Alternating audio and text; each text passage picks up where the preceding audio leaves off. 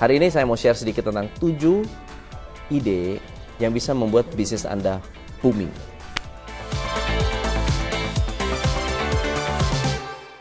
So, ada tujuh hal yang bisa Anda lakukan untuk membuat bisnis Anda booming.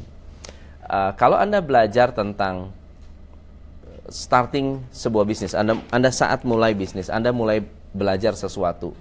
Kemudian, misalnya nih, dari pegawai menjadi pengusaha, yang sebelumnya Anda sudah ada sistem, sudah ada aturan, sudah ada yang memikirkan, kemudian tidak memikirkan cash flow saat memulai sebuah bisnis, ada satu yang membuat Anda berbeda. Ya, ada satu yaitu belajar. Makin banyak Anda belajar, makin banyak Anda tidak tahu, sebetulnya semakin bagus. Artinya, semakin banyak kita nggak tahu, kita jadi lebih agresif untuk belajar. Apakah bisnis Anda adalah bisnis kecil atau bisnis besar? Semua memiliki kebutuhan yang sama, yaitu apa? Pengetahuan. Knowledge is the new currency. Pengetahuan adalah mata uang baru. Kalau dulu informasi adalah mata uang baru. Ya, sekarang knowledge is the new currency. So, apa satu yang paling penting untuk membangun bisnis kita. Banyak orang memiliki target market yang terlalu general, terlalu umum. Kalau Anda mau sukses, trik pertama adalah buatlah target market yang sangat-sangat spesifik. Bahkan kalau perlu, Anda membuat target market dalam bentuk persona. Apa itu persona? Anda deskripsikan target market Anda dalam bentuk sosok manusia. Carilah customer Anda yang paling ideal, lalu kemudian Anda pecah atau Anda bedah manusia tersebut. Siapa namanya? Kalau mau catat, catat ya, catat nih. Ini penting banget. Siapa namanya? Kemudian berapa umurnya? Jangan range umur, tetapi actual umur. Saya misalnya namanya siapa? Tom. Nama lengkapnya Tom MC Ifle. Umurnya berapa? 45 tahun. Kemudian uh, profesinya apa? Profesional, pengusaha, ya. Punya anak nggak? Punya tiga. Anaknya umur berapa? Umur satu tahun, dua tahun, tiga tahun, empat tahun, dan seterusnya. Kemudian yang dia inginkan dalam hidup apa? Kalau saya, yang di, saya inginkan dalam hidup adalah kontribusi ke masyarakat, ke business owner sebanyak mungkin. Kemudian um, ketakutannya apa? Ketakutan terbesar saya adalah kalau saya tidak bisa memberi contoh baik untuk anak-anak saya. Nah, ketakutan terbesar mereka siapa? Apa? Ketakutan terbesar customer Anda apa? Uh, ketakutan terbesar saat membeli produk Anda apa? Nah, tergantung produknya apa ya. Ketakutan terbesar uh, dalam uh, memakai produk Anda apa? Jadi dipecahkan se secara lebih detail dan lebih rinci.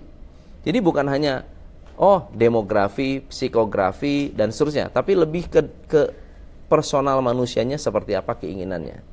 Nah, ini yang disebut persona. Kalau misalnya Anda sudah dapat persona seperti saya, menurut Anda apa produk yang membuat saya tertarik? Apa kira-kira produk yang bisa membuat saya tertarik? Oh, karena saya takut tidak bisa memberi contoh, bisa nggak jualan alat kesehatan supaya saya bisa panjang umur? Bisa. Tertarik nggak? Pasti. Bisa nggak menjual produk yang bisa membantu saya belajar cepat? Bisa nggak? Bisa. Ya, jadi itu adalah teknik-teknik yang sangat sederhana, sangat simple, memang si, mungkin sifatnya nggak terlalu umum, tetapi sangat powerful. Oke, itu cara kita melakukan uh, segmentasi pasar. Jadi, strik yang pertama, jangan cari target market yang umum, tapi cari target market yang sangat spesifik. Bila perlu, satu orang yang mewakili target market Anda. Yang kedua,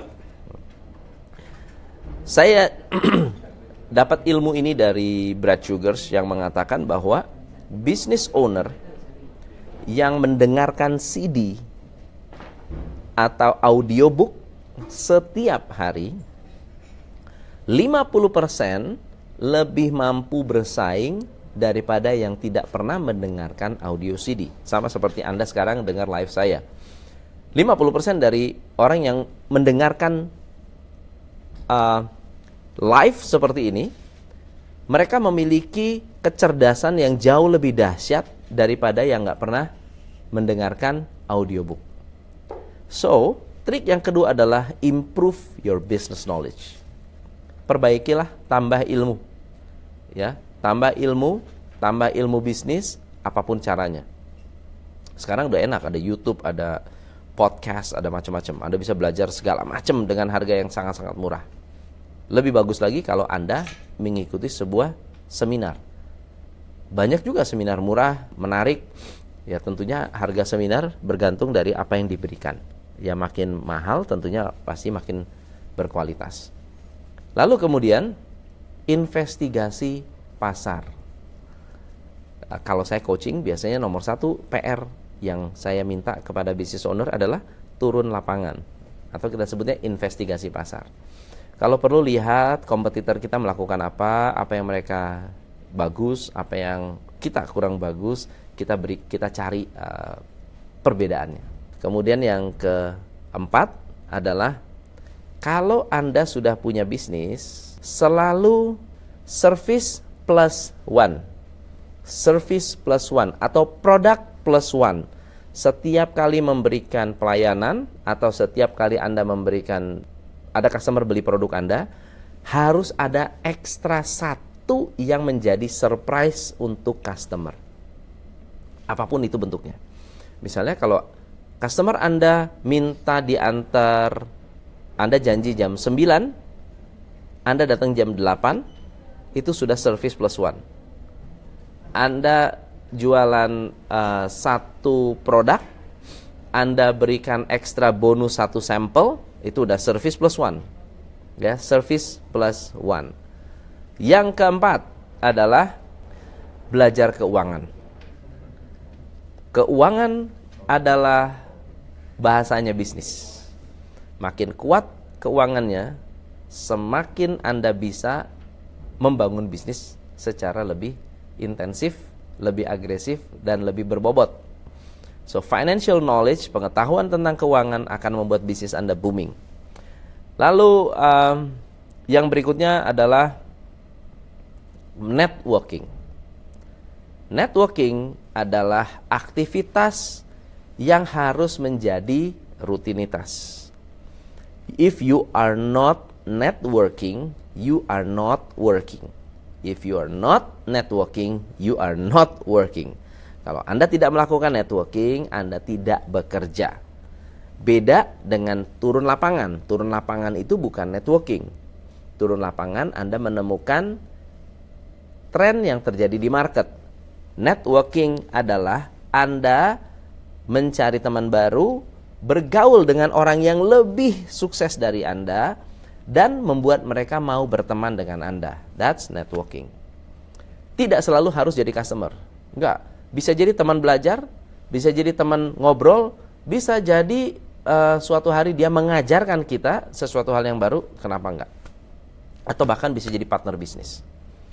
Uh, kemudian memperbaiki atau belajar tentang continuous improvement, belajar tentang teori continuous improvement. Apa yang bisa Anda lakukan untuk melakukan perbaikan yang berkesinambungan? Kalau di Toyota namanya Kaizen. Kalau di bisnis Anda, mungkin Anda belajar tentang quality control. Improve lah quality control di bisnis Anda supaya Anda bisa mengimprove produk Anda. Oke? Okay? Hanya di Top Coach Indonesia.